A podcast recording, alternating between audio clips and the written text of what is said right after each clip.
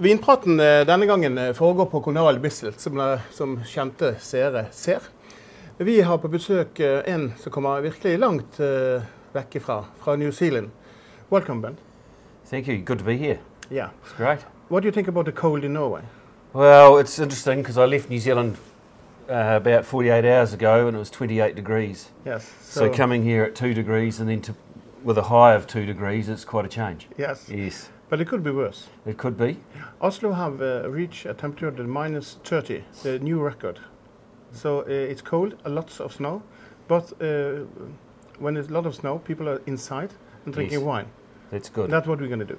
That's what we like. The background for this uh, meeting is um, uh, at Colonial is um, more that my interest for New Zealand have become bigger, Yes. but the accessibility for wines from New Zealand are less in Europe and in Norway special, and we will have a talk about this. But first of all, we need to pour some wines, and Yes. uh, the first wine we are uh, pouring is um, classic, and of course, always from New Zealand is screw caps. That's popular. They are. Yes, probably Yeah. 90%, 95% of New Zealand wines are under screw cap Mm. since uh, 2001, where we we did an industry wide. Um, probably we basically put off cork. We thought no, we're going to screw cap because we had too many issues with cork taint Hmm. and probably oxidation or early onset oxidation. And screw cap was the way to go to, Yeah. to keep those lovely pristine flavours that we're known for alive and have good longevity. Yes, but that, the rumors are saying that you you you got all the bad corks for a while. The importer was it was, it was a lot of rumors at that time. Yes, and I don't. I don't think they were. I think they were founded. I think there was. Um, I think in 1999 when we bottled our Pinot, we had four out of 12 wines had cork issues. Wow. And so that was just the catalyst to say, right, there must be something better, and screw cap Yeah. proved to be proved to be that. Yeah. Yeah, yeah. But uh, but uh, the customer uh, then it, now it's 20 years ago that happened, and no no returning of ordinary corks in any way. No, so you No. don't have that. It, you know, once you've sold it, and you don't have that return of of, Yeah. of damaged wine through cork. Yeah. So, and we as a uh, producer can confidently deliver our wine, knowing that it's not a cork or, or a closure issue. That's um, if there's anything negative with the wine. So Yeah. we've we've got a whole lot more confidence. Hmm. You know, delivering this to the consumer. Norwegian they they, they love uh, in younger ones uh, screw caps. There have been no issues, so much issues. Uh, we have some issues, uh, of course, with um, oxidation sometimes of handling of bottles Yes. because uh, the monopole or people are taking the bottles together and then they are coming together the corks and Yeah. then it's squeezing and then uh, after a while the fruit are disappearing sometimes. But it's a less problem than TCA. Yes.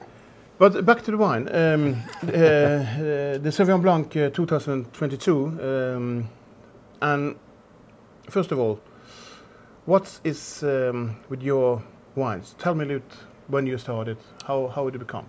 Yeah. Okay. Because you had not uh, been birthed yesterday. You have. You No, no, I was born. We born. are the same age. Well, I was born two days ago, not Two just yesterday. Yeah, yeah. So yeah, look, I'm in my um, I'm in my second half of the century, Hmm. just, uh, and I grew up on a on a dairy farm in Marlborough, and I used to follow my dad around. Um, milking cows and shifting the electric fence, and that was about the same time as grapes were just starting to come into and be planted in Marlborough. So, um, incidentally, 2023 last year was uh, the 50th anniversary of the four, first grapes planted in Marlborough Hmm. uh, in seven, 1973, and Dad planted in 1988 on our dairy farm Yeah. uh, down in Dillon's Point. So we've we're sort of running quite a coastal vineyard now.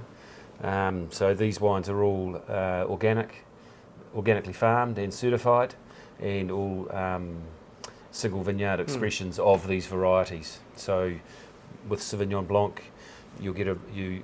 We all know the broad base of what Sauvignon Blanc is. You Yes. know, it's um, blows your nostril hair off, Yeah. lovely greens, um, and really good palate and good acidity. So my Sauvignon's just a bit more of a um, a, d- a different slant on, on Mm. that because of its single vineyard expression. Um, I yeah, But uh, then you're telling that okay, even if uh, 73 is the start of Marlborough, the first thing, it's still a new wine area, you know, Yeah. in, in, in different from uh, other aspects. But after that, also that I, I feel that when I've tasted wines from New Zealand, I have a impression that that it had been 30 years, uh, 35 years with a lot of volume, a lot of uh, um, what you say, talking about Sauvignon Blanc and, and been famous and all this. And then the last 15 years, it have becoming more producers who have different styles in in between. So uh, some is more European way, that less of the Sauvignon Blanc boost, and some have more fruit and of course uh, different aspects of. Could you tell me a little bit of? Is this something uh, you agree that? That, Yeah. that it, it have been a change uh, of um, styles in the concept of the early for 50 years ago. It, it, this is a huge timer now, but Yeah, well, that, that could take 20 minutes to talk about Yeah, yeah. because really you're sort of talking about uh, over 50 years, it's been a, a exponential growth. yeah, So right, really, our 50 years is probably 300 years of European grape Yeah. growing and discovery and expression and discovering these soils and what the best way to go about it. Hmm. So we've been sort of fast fast tracked over those Yeah. 50 years. So those first 15 to 20 years were very pioneering. Hmm. We're still discovering what grapes grew well in different sites. And these days, particularly in Marlborough, uh, where, where we're based and from, we've got sort of, we've now in the last five years come down to three sort of sub-regions of Marlborough. yeah, So you've got the, going south to north, you've got the Awatere Valley, which is exposed by winds coming up from the Antarctica. So those, in a Sauvignon Blanc sense, they tend to be more snow pea and nettles and tomato leaf characters, more greens and citrus. then the Wairau, which is slightly protected, you're getting more guava and melon, sort of a little bit more tropical notes coming Yeah. through. And then tucked into the into those into that valley is the southern valleys, which is more clay based and you, they tend to be a bit richer because of the clays in the soil. And hmm. incidentally, that's where, if you are really trying to focus and find um, good Marlborough Pinot Noir, Mm. that's where that Pinot Noir is coming from. It's coming Yeah. from where the clays are. So, so what you're saying uh, in short term is, is that now in the last five, ten years or five years, Yeah, uh, Marlborough, New Zealand wines have become a new step uh, because the sub-region is, is meaning like uh, you can find uh, uh, agreement that okay, this this have its own style from the coastline and into the in the valley. It's different wines who's coming. yeah, and and you have to be aware of this quality hierarchy because uh, Yeah. in, in the Norwegian market there are some big sellers uh, less of the best wines and uh, uh, from New Zealand but often sold in restaurants but they're often forgotten in tenders and that's the meaning that you have one Well, tender the- last year that's right. And that's Yeah. the ch- that's the challenge. Um, smaller family-owned um, wine growing operations Mm. have, because with success comes um, outside outsider outsiders wanting to come in and uh, be part of the success. And I think now, after 50 years, we've got a situation where we've got large uh, corporates and large businesses that are really driving that entry point Sauvignon. Hmm.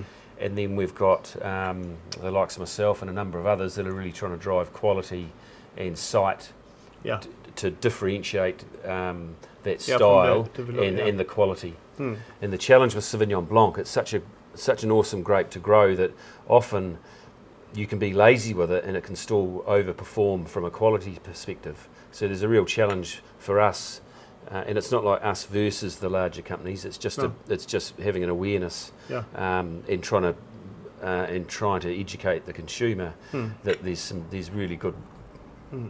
better wines or really good wines in a Mm. more sophisticated, more palate weight way. but uh, you started up in 2007 We yeah, Dad planted Yeah. in 19, 1988, yeah and then I launched the Zephyr brand in 2007. Seven, yeah. and then in 2017 uh, converted it to organic wine Mm. growing practices. But you know, Ben, we have talked about 10 minutes now and we haven't t- I know. any wine. So, so know. we have to go into the, the wine t- finally. All right. Uh, the first wine, Sauvignon Blanc 2002. What you can tell me about it?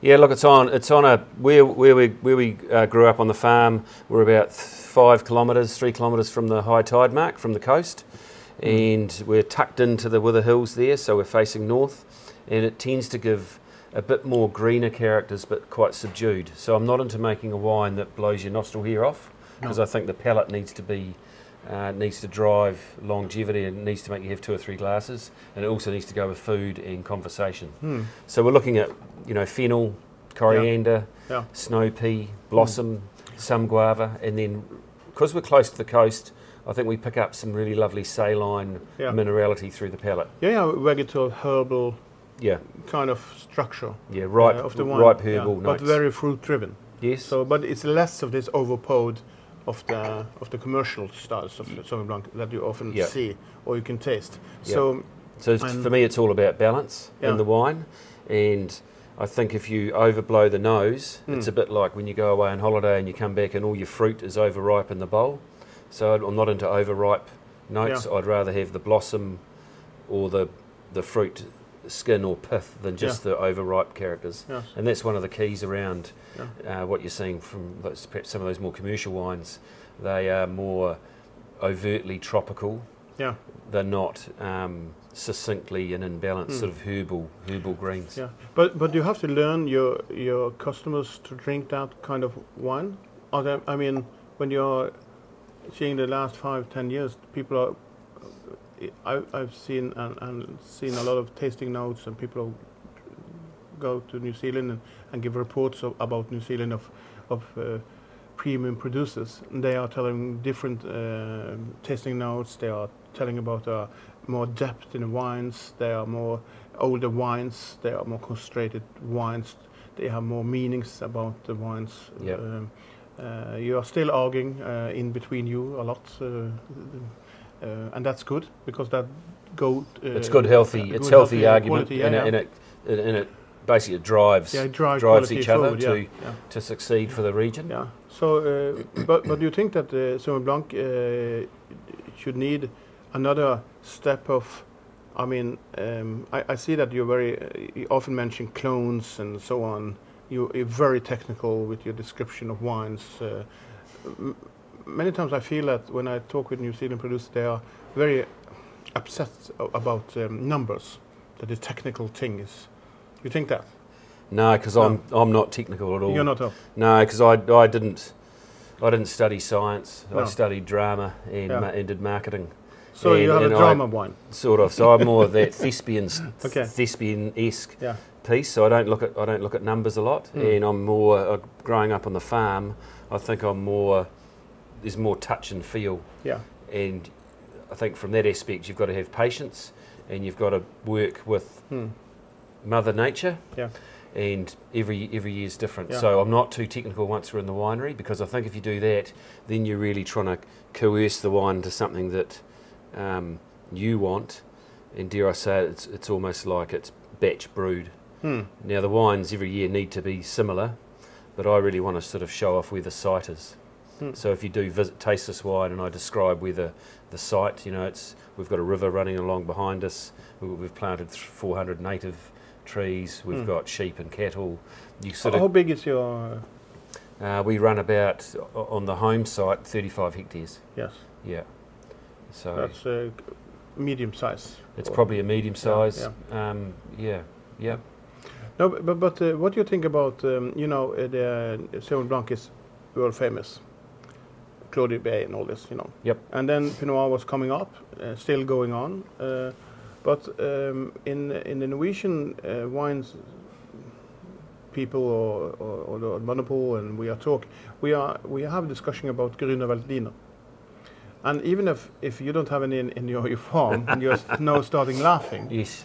could you understand that Grüne Veltliner could be a grape that could be a, have a possibility when you know, as Ries, Riesling from Germany, that there's too much Sauvignon Blanc in the market, that so you don't show the potential of what you can get from other grapes also because it have a limit sometimes. You know, Yeah. Uh, Yep. it could be too no, much Sauvignon Blanc. If Sauvignon Blanc is not popular anymore or uh, something happen, it's nice to have different aspects of wine. Like Yeah. uh, Germany have now, I don't know how many grapes, but they are in, in Norway. They are 98% Riesling, you know, and people are getting bored of it. Um, and um, I've tasted some. I don't I don't know, know the name uh, of the producer, but I've tasted some Grüne Veltliner on a on a uh, on a fair uh, uh, in London for some years ago, and it was fantastic. Yeah.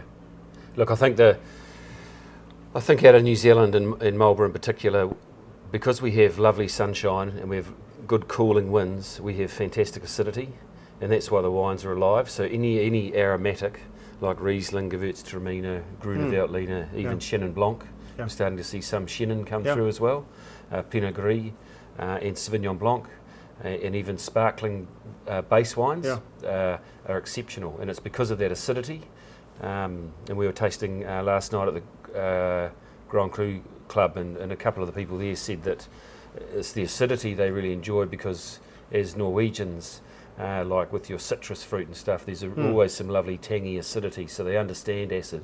Yeah. And I think there's a really cool connection there with what we're delivering in our wines. Hmm. Uh, they're not fat or flabby. Even our Chardonnay and Pinot Noirs have really lovely acidity, and that's what keeps keeps things alive. So to your point about Gruner, yeah, most definitely. But But you know, Sauvignon, Sauvignon ah. Blanc is about 80% of uh, production Hmm. in, in New Zealand. And also, again, to also your point, I've set out to make sure that my Sauvignon Blanc is only around 70% of what I do because I Hmm. think there's really importance about those other varieties. So, Yeah. not that we're tra- tasting them today, but we I make a um, Riesling Hmm. and a Gewürztraminer off our farm. Yeah. And I really push that, even though it's tiny Hmm. and it's not. It could be a change for the Yeah. future sometime because Yeah, totally. uh, knowledge is something you know about. yeah. But uh, let's uh, go for the next uh, wines and then we will maybe compare it a little bit uh, together. Yeah. Um, why did you start this uh, brand in uh, 2007? What was the background for it? Um, Is money? lack of. Yeah, lack of money. Okay. so, what do- what? do, Uh, Yeah, look, I, my my background was um, growing up in the farming, and then Dad converted to grapes. So then I started doing the grapes, and then I went to um, university to for viticulture and enology, thinking that I could come home and kick kick Dad off the farm. That didn't happen, um, and he's still there running the doing the vineyard work for us. Um, and then I went to work for a couple of um, uh, Wither Hills, and then I just cut my teeth through, and then working my way up to working for corporates. But at that stage, I wanted, I was getting a bit too harnessed, Hmm. shall we say? Yeah. And I needed to just get out and smell the roses, Hmm. and perhaps not work for the man. And Yeah. I had an opportunity where mum and dad and Susie, my wife, and I. Um, we had this grape resource off our own farm, Yeah. and so in 2007 w- we launched Hmm. Zephyr. Yeah. Z- Zephyr's the Greek, Greek god of wind, Yeah. and that is Marlborough's best kept secret. So, Ah. so that wind comes up um, around equinox Yeah. times, Yeah. both a warm wind coming across from Australia, but also Yeah. that cooling wind coming up from Antarctica, and that essentially what makes that climate Hmm. or that terroir Yeah. or what we call uh, Te- Waiwai. Hmm. Um, And uh, what's Waiwai, Yeah. so it's sort of like terroir, but it's in Okay. uh, Maori, Yeah. and that sort of means a, a place where you stand and where you're comfortable, hmm. and it's sort of that, that's what delivers all these lovely, pristine, Hmm. um, beautiful, uh, clean flavours. Hmm.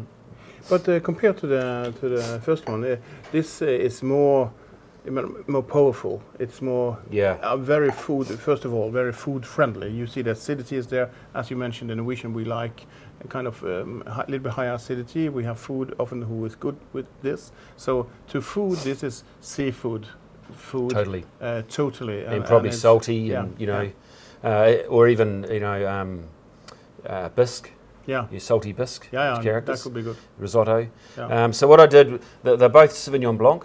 So the the first one we tried is that more traditional style, stainless steel fermented. Yeah. Um, whereas the Mark III is hand picked Hmm. uh, and goes into old, old, old oak, French Yeah. oak You, you have a sensation of oak, but it's, it's not present in Correct. the wine. Yeah. So it's not- uh, you're not meant to see no, oak. No, no. It, it's just what it was Yeah. fermented in. So it's sort of like a, uh, a sort of a mouthfeel or a character. And you get more, it's more accentuated through um, fennel and coriander and Mm. stalkiness. Yeah. And then I handle it quite oxidatively, a bit like Chardonnay. Yeah, that's the other part I was saying. That this is more oxidized, but it's not over oxidized. It's too not too much. It's still a fresh wine, but you see the, the slightness of, of oak. You have the very good, or also long acidity, and then you have a concentration at oak. You have some butter sauce. Fantastic. Perfect, it. yeah. yeah.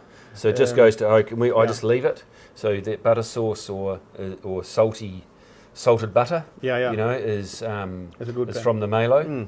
and also from the site. So we get that quite saline stuff through the river and Yeah. close to the sea. So you get that really lovely minerality and Mm. texture, as well as that acidity that you do get from Sauvignon. The other thing f- by treating it oxidatively in that juice stage is you're trying to remove all the. So this is the only technical bit I'll talk Yeah. about.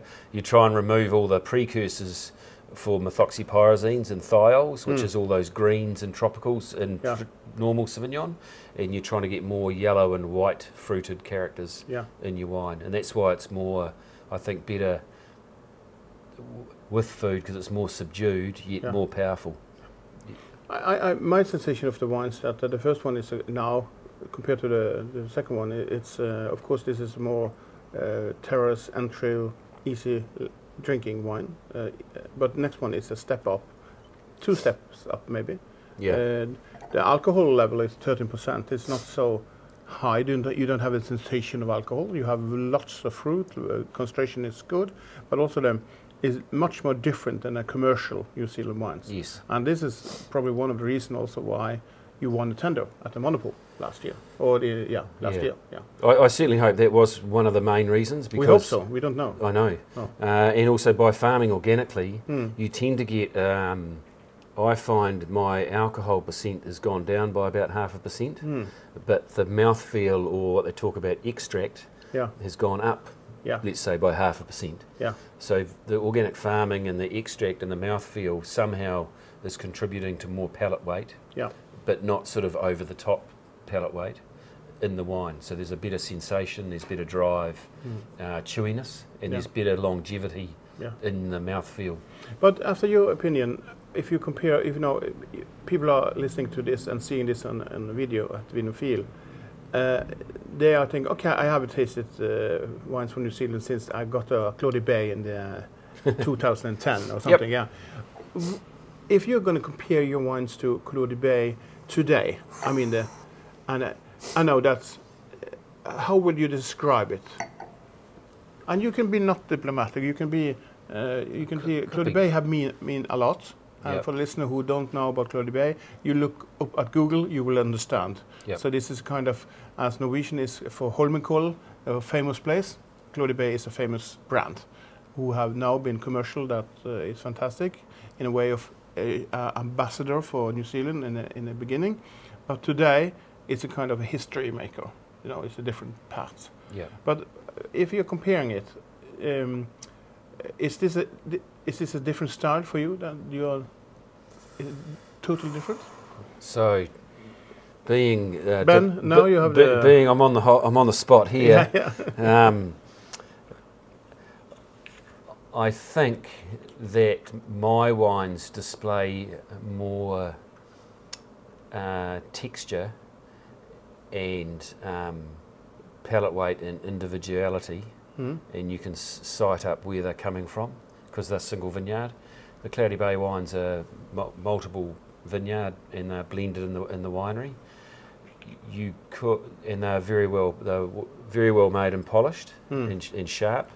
Um, I must say, uh, must disclose that my brother-in-law is the viticulturalist for Cloudy Bay. Yeah, yeah, yeah, So I've got to be the gr- his grapes that he does are great, Um, and and very good But just winemaking. people are understanding that there are difference between Yeah, Sauvignon Blancs from and I think what, what Cloudy Bay did do, Yeah. you know, it's just like we're 50 years on. So they, Hmm. they, they pioneered, Hmm. you know, those first 30 years, and now they're into that second phase of, okay, Hmm. where do we do and what do we do next Yeah. under the banner of um, Louis Vuitton, Yeah. Moet Hennessy. Um, and then we're coming in also trying to differentiate and drive, uh, drive style and push style Yeah. um, for the consumer to understand that it's it's not just um, a one blended wine. You know, there's a whole lot of little sub regions within within Marlborough that are equally sensational and interesting. Yeah. You know, f- f- for palate wise and, and, and flavour. So you've got Cloudy Bay, you've got Yeah. Hunters. Yeah, you, have, know- you have many. So Yeah. yeah, so that's uh, that's a good thing to do. Yeah. But um, now you launch it, and then um, uh, you arrived with a wine who is a little bit um, what you say um, up and coming. The the next wine who is coming up. Yes. So yes. because now we have gone to two different uh, Sauvignon Blancs. Uh, one is very food friendly, very different Sauvignon Blanc, different from the commercial style, but it's fruit driven, good intensity, and and and, and, and the acidity is what what is makes the quality in the first yeah, two totally. whites. Yeah. Yep. Yep. But then uh, you have the next one, uh, and and the next one is um, kind of. I take my my what should I say? uh, this orange uh, cloudy uh, thing. Uh, it's. Um, uh, how this project started? it, it was a late night uh, Yes, it was. wife. it was a um, late night. So basically, it's a um, it's a skin contact orange wine. Hmm. Um, we're trying it now because we're going to treat it like a sorbet Hmm. in between the white and Yeah, the red. okay. okay. Um, So this is sorbet, the in between wine. this is yeah, yeah. and the, the only I describe it as a uh, uh, a breakfast Negroni. Breakfast Negroni. Okay, okay. Okay, so yeah. that's the, with, so with alcohol, of course. without the alcohol, you know. So, and I don't mind if you want to uh, drink it in a tumbler Hmm. with some ice. That's fine. I don't mind. Um, but I thought we'd try it now. It's made from three uh, aromatic varieties on the on the Mm. property. So one is Sauvignon Blanc, then Riesling and Gewürztraminer, Yeah. and they're a third, a third, a third. Yeah. And what you see, particularly the Gewürz, it show it provides you some of that um, aperitif sort of. Uh, you have the bitterness, uh, yeah, and, the, the, and and the bitterness. it's uh, it's sort of like sweet bitterness. yeah, yeah, sweet bitterness. You know, and so it's quite good as a, as a cleanser Hmm. or a yeah, sorbet. yeah. Um, some of the more youthful chefs and somms Hmm. um, are really enjoying food matching with, with these Yeah. styles of wine. Uh, but don't ask me what the what that would be because Yeah. uh, as I told earlier on, Yeah. I'm on the other I'm on the other side of yeah. fifty. Hmm. So yeah, me too.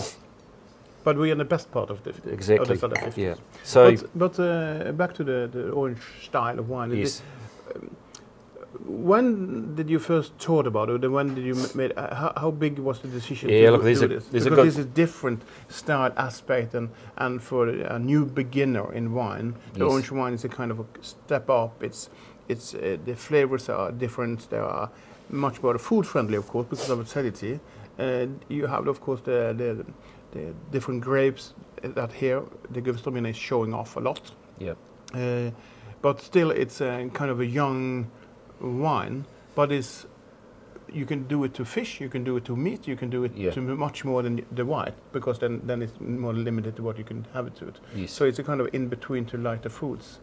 But when did you start thinking about to make it? It was a big decision to do. No, well, it, like I was, it's, it's um, probably something you should never do. I, I made this wine out of anger. Hmm. Of anger. Anger, and Yeah. you should never do anything when you're angry. It's a bit like emailing, you know. You Yeah. never email when you're angry either. Hmm. Um, so I, the first vintage of this was in 2016, Hmm. and at that stage in New Zealand, there were a lot of orange wines coming into the country, and they were being sold almost like the Emperor's new clothes, you know. So we were just going, Yeah. "Oh, these are great," but really, they're a lot of them were quite faulty Yeah. and horrible.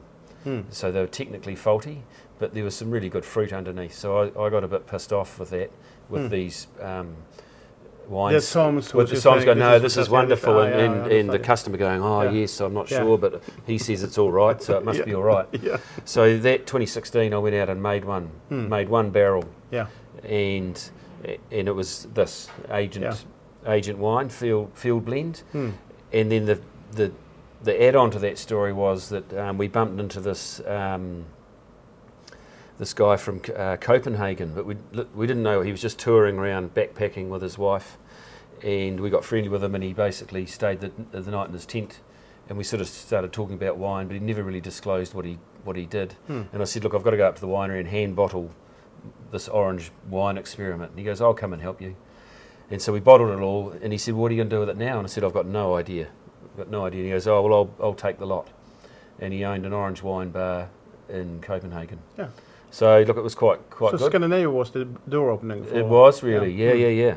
And f- since then, um, we're exporting it to um, uh, the US and Mm. the UK, a little bits in here and Mm. uh, in Norway. Because this is a niche wine, and, It and is of very course niche. it's, it's uh, from the from New Zealand to, to Norway. It's a lot of uh, it's a lot of danger to transport it. It could be it's not so stable maybe as many others, uh, but but uh, still orange wine. Uh, I, I will say that this one here is different from the of course from the two firsts. It's made by anger, but also then by Not pa- anymore, passion. not No, no, yeah, Yeah, yeah, yeah. But now you have made some cash. That's okay. But it's made by kind of no faults.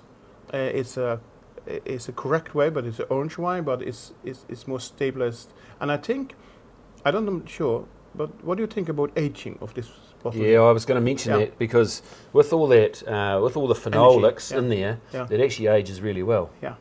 You know, it's a bit like how honey ages, you know, or, or sweet wines age, and wines with a lot of tannin, you know, like some uh, old style reds with really tannic in their youth, they age well. Hmm. And so I'm see, I'm finding that this these wines are aging, and they're softening, Mhm.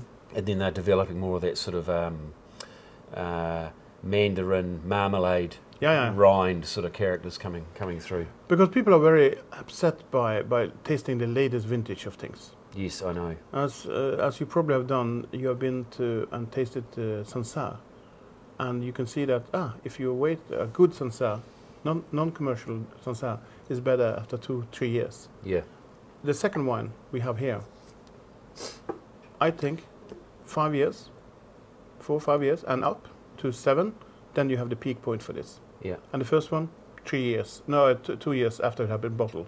Then you have the peak. That not is not a traditional way to think about New Zealand wine, but people ask why well, you have to have the later vintage. What is your, is your thoughts about the the peak point of taste? You think that your wines could be I think to main, I think if you like, um, obviously New Zealand's about fruit, fruit. Mm, So if you want those primary fruits, you're you're you're dead dead on. You're correct. mm, Um, but the Mark III, for example, you know the the first vintage of that was 2013, and that's it's beautiful now. But it's got all those. It's relaxed. It's aged. And it's got all, all those more textural characters coming through because it's not relying on those more primary notes Yeah. of of um, say the Zephyr Sauvignon Blanc. yeah. Yeah, and I think with palate and with that salinity, there is a there is some good aging or Mm. ageability with the with, with the wines. Mm. But, But then, right. then we also going back to the screw cap. What what is your thoughts about screw cap and aging? Because if you are storing this for ten years, the screw cap will lose. Brilliant. Yeah, it's Yeah, brilliant. Yep. And I think that's added added to that aging potential o- of particularly uh, Sauvignon Blanc Yeah. um, to go longer. Because I remember we- under Cork, we were always 18 months, and then we were trying to ship to the UK because we could see the, you know, Sauvignon starting to Yeah. age and slowly oxidise under cork. Uh, under screw cap, it's maintain it's Maintain, maintained yeah. the brightness, okay, Good. yeah, and the feel. Um, now uh, we're gonna have a little bit taste of the of the red, uh, and and you said that um, you keep one part of to, to the production of Sauvignon Blanc, and then you also keep some parts to the um, to the other grapes. And Pinot Noir uh, from New Zealand have, of my impression of, um have been that there have been a wine of Pinot made by Pinot who have not made to the European consumer uh, often. Yeah, And uh, when I mean European consumer, I mean uh, England, I mean uh, Belgium, the States. So there have been a diff- much different Pinot Noir delivered. But then you have come up with some producers uh, who have made a different, uh, more concentrated, different yeast and, and, and uh, more aged Pinot And how would you describe your uh, Pinot compared to that Whoa. long talk? No, no, no, that's fine. Well, my, my style is um, I would like people to drink Pinot Noir Monday through to Sunday. And Mm. so um, You have a little hour between there. You can. you can have an hour relaxing. Mm. Yeah. But so it's not it's not a wine that's uh, big and rich. It's more Mm. it's a bit like my whites. Acidity is the key, Yeah. and that gives it uh, life and vitality and, Mm. and longevity. And uh, you can you can have it with pizza. You can have Yeah. it with pasta, and then you can be you can be more serious with it if Mm. you like with those more game game derived foods, um, or slightly chilled in the summer. So um, Marlborough Pinot tends to have really good acidity, but tends to be more reds Hmm. and cherries. So if you think about cherries, it's either spice, brooding, dark, Yeah. red, sous-bois. It, it's a light-bodied Pinot Noir. It's it's not a. I I don't like to compare it to other countries or other wine areas, but it, it's a Pinot Noir that you recognize the fruit. It's fruit-driven. It's, it's you taste the grape. It's uh, you can see that this is. Uh, you can to lighter meats. Uh, it's good. We serve it a little bit chilled, Yes. around 11, 12 degrees, something around. That's perfect. We have it in a wider glass. That's good. Uh, But uh, what is, is your thoughts about Pinot Noir in the in the future? Because I see that uh, Pinot Noir have become a kind of uh, kind of in California, in Burgundy, in other countries. Um, Pinot Noir have been coming up from Germany. It's coming up for sales. Do New Zealand producers care enough about Pinot Noir? uh, because the potential Yeah. are, are, are much better. Um, I've tasted some uh, wines also there who have uh, the triple of this style, uh, but it's not exported. Right. Yeah, it's Yeah. not coming. You know, um, I think that many wines from New Zealand are not coming to Europe, No. mainly of many reasons. But but New Zealand have to be discovered. First of all, you have to travel. Yeah. First of all, you have to meet the people, and and also the the, um, the um, eager to to export, for instance, to Norway, have as in your case, because of a tender, because it's a high expensive country. It's difficult to go to the monopole. It's an expensive country to to marketing wines, Yeah. and but when you see all that uh, compared to to Pinot who is in New Zealand, do you think that Pinot could have um, a second wave of popularity as Sauvignon Blanc? Because news traveled faster than in, in the 73 when Cloudy Bay was coming. And it was four articles and then it was worldwide popular. Yeah.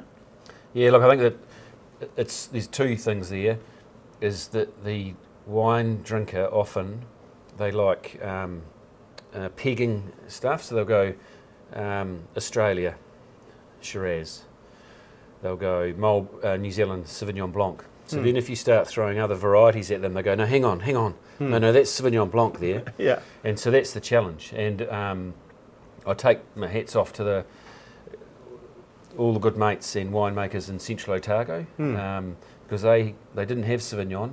They had Pinot Noir, Riesling, and Co. And they had to band together and drive that Mm. that story of Central Otago and, and Pinot, and they've done that ex- extraordinarily well. Uh, from Marlborough, we had this other variety called Sauvignon Blanc. So s- everything else sort of got put on the back burner, and probably we, we planted in the wrong areas. And only now we're just starting to see some really smart Pinot, Hmm. which sits next to those central wines and those wines out of um, North Canterbury and wines out of um, Wairarapa and Martinborough as different examples of what Pinot Noir Yeah. Uh, can be, like in like, just like in Burgundy, Hmm. you know, through those different appellations Yeah. um, in regions. Yeah. Um, I- I think if you take uh, the US, for example, that the style of Pinot Noir there has probably been bastardised a little bit because of the um, the consumer there likes things a little bit more sweeter, and there's certainly some uh, non non Pinot Noir in the Pinot Noir that gives it that sort of big, denser, richer Shiraz Hmm. Syrah-like Yeah. flavours. But I certainly think from a European palate, Marlborough Pinot and New Zealand Pinot is right on the money um, Yeah. to fill that gap before you hit Burgundy from a from, Yeah, a, from a price this, point of view. thi- thi- This is what I call a, a, a good entry level plus uh, wine who gives you Sunday to mon- and Monday wines. You can easily pour it and you can have it in the fridge or have it the next day, the third Yep. day, the fifth day. It doesn't Yep. matter. You can use it throughout the week. Yep. Uh, and and it's easy drinking to to lighter meats Yeah. and for pizza and so yeah, on. totally. But the tannins uh, in the wines are also uh, very nice uh, in, in kind of um, they are smooth, you know. So it's fruit driven. Yeah. But um, uh, what I will go back to to the to Pinot again and just trying to to understand more of is that. Do you think that if we see 50 years ahead in New Zealand, we are not present then? no, We don't know, but hope not. hope, hope not. Yeah. Yeah. But you think that that uh, New Zealand are changing to be a more devised country in uh, kind of it's Sauvignon Blanc, it's it's Pinot it's areas. Uh, the world is getting smaller, so access to information and people are getting smaller. Yeah, I, so, look, I believe so. yeah. Yeah. yeah. So when we are here, we can be friends at Facebook, Instagram, or TikTok, or whatever. Not Yes. TikTok maybe, but Insta in, the least. but but in kind of um, uh, kind of getting smaller, so your information flow is getting faster out. And even if you are meeting us some who love the orange wine, he can have ten thousand people he reach. Yep. So you can have your business out of less. Because when you started in 2007, uh, early um, with this brand, uh, this this kind of uh, you, you get more answers faster of is this going correct or not, Yeah. and you can reach the customer fast, and that's what one of the reasons you come to now to Norway, that okay, you won a tender last year, going fast. The the tender, um, we see the answers always after three years of Right. or- yeah. Okay. So that, then you can see it if you've won enough or we've been enough or you like to sell to Norway. That's Yep. one of the reasons.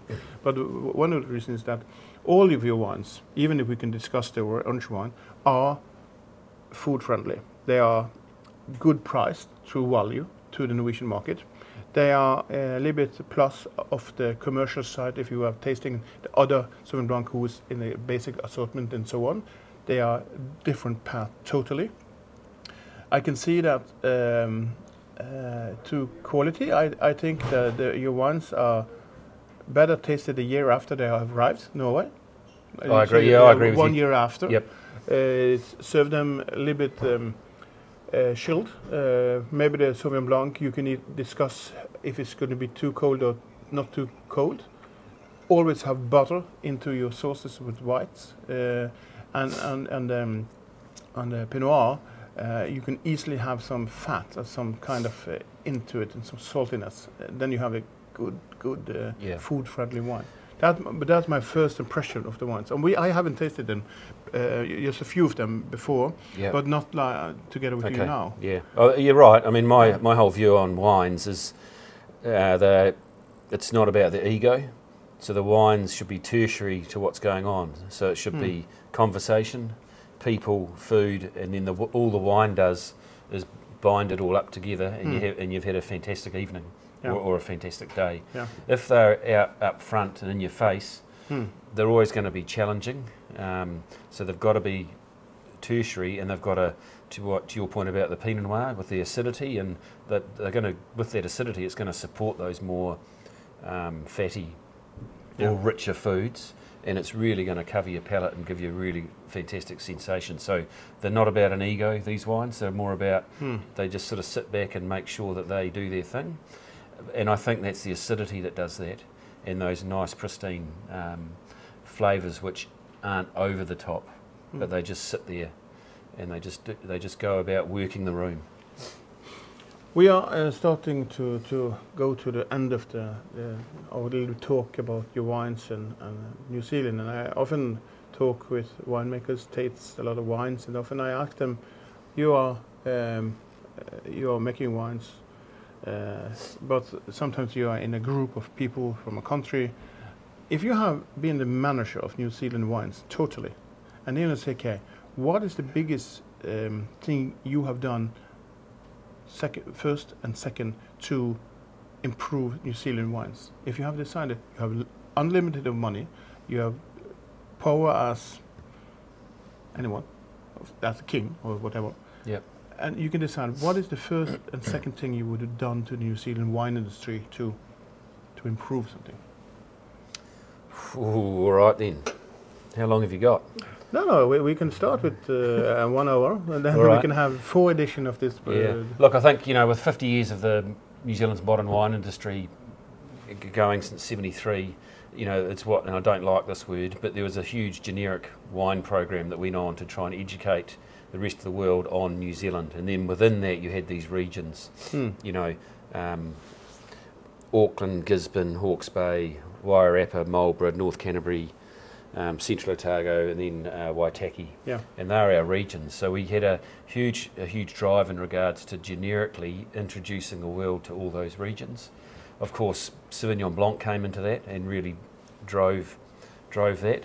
But I think now there needs to be a total fundamental step change in how we deliver the next phase of that educational piece um, to the wine drinker that wants to know a bit more uh, than just. Um, uh, buying that entry level Sauvignon Blanc off off the supermarket Hmm. shelf. And in, in, in saying that, we've got to make sure that they become adorers and they look for the next New Zealand wine. Yeah. They don't transition to Chile or South Africa or Yeah. even even out of the wine market Yeah. into um, you know lighter alcohol or, Yeah. or, or or something like that. So Mm. that's I think that's our biggest challenge, and I think one way of doing that is to give back to the regions the the power to, to promote self promote regions and create um, connectivity and community within those regions to then go and Yeah. and, and deliver and then drive out to the Yeah. to the um, marketplace. Yeah. So the, so you mean that smaller areas can go out and uh, describe, for instance, if you take it to to Burgundy, Yeah, uh, one appellation can go out and having their own correct. thing out into the premium markets. Yes. That's the, Yep. the first thing you've done. And then you know the Marlborough. Mm. Marlborough's really two has two wine operations. There's the Mm. large corporates, and they're probably eighty percent of Marlborough, and they drive, you know, that FMCG space. Um, and then you've got all these um, other smaller companies, and they're Yeah. trying to drive uh, the brand Marlborough Mm. and their own brands and their varietals, and and we need to empower them because th- th- they are the the lifeblood of the regions within New Zealand Yeah. because they've got a stake in the game, not Yeah. just financial, but Yeah. this here, the ticker. Yeah, yeah, yeah. They've got the ticker in the game. But what is the second thing you have done? It's- Raise your own salary? or yeah, not, Maybe. yeah. But do you have other thoughts? Uh, look, I think there needs to be a whole lot more awareness around. Um, 95% of New Zealand's vineyards and wineries are certified sustainable under their own, under our own um, platform, Hmm. which is absolutely marvellous. But now the step change is to go again and really look at um, championing organics and then Yeah. you- and, and driving the education of what uh, organic farming is, Yeah. not just grapes, to, to go the next step. Yeah. And then around that, um, around uh, being green, Yeah. whatever that means, Yeah. because it's it's, Yeah. it's a confusing space now as well. Um, and being true to yourself Hmm. in what you're doing at home to be able to convey that to, to the customer. Hmm. Yeah. Good thoughts. Ben, it have been a pleasure to have you here. Uh, awesome. Thank you. Uh, I think, um, first of all, the impression of your wines are, as, I said, they are very food friendly and they are very um, food friendly. Um, and I uh, say um, uh, you are probably coming back to Norway because you like the cold. You like being Yes. away. You like to being doing the Norwegian seafood. Yes. Uh, and it's easy. So uh, I will welcome you back. Thank you very much. and then much. we have an, another discussion about uh, orange wines, who's going to be more deeper, and how the anger is going on. no more anger. So uh, no thank more you anger. for the visit, uh, Ben, and I hope you have some more days in Norway because we're heading back to the heat. We are stuck in the cold here in uh, in Oslo, but it will be summer sometime in May, some days. Some days. Yeah. Yeah. No, it's wonderful being here. Thank you Thank very you, much. Thank you. Thank Cheers. You, thank you.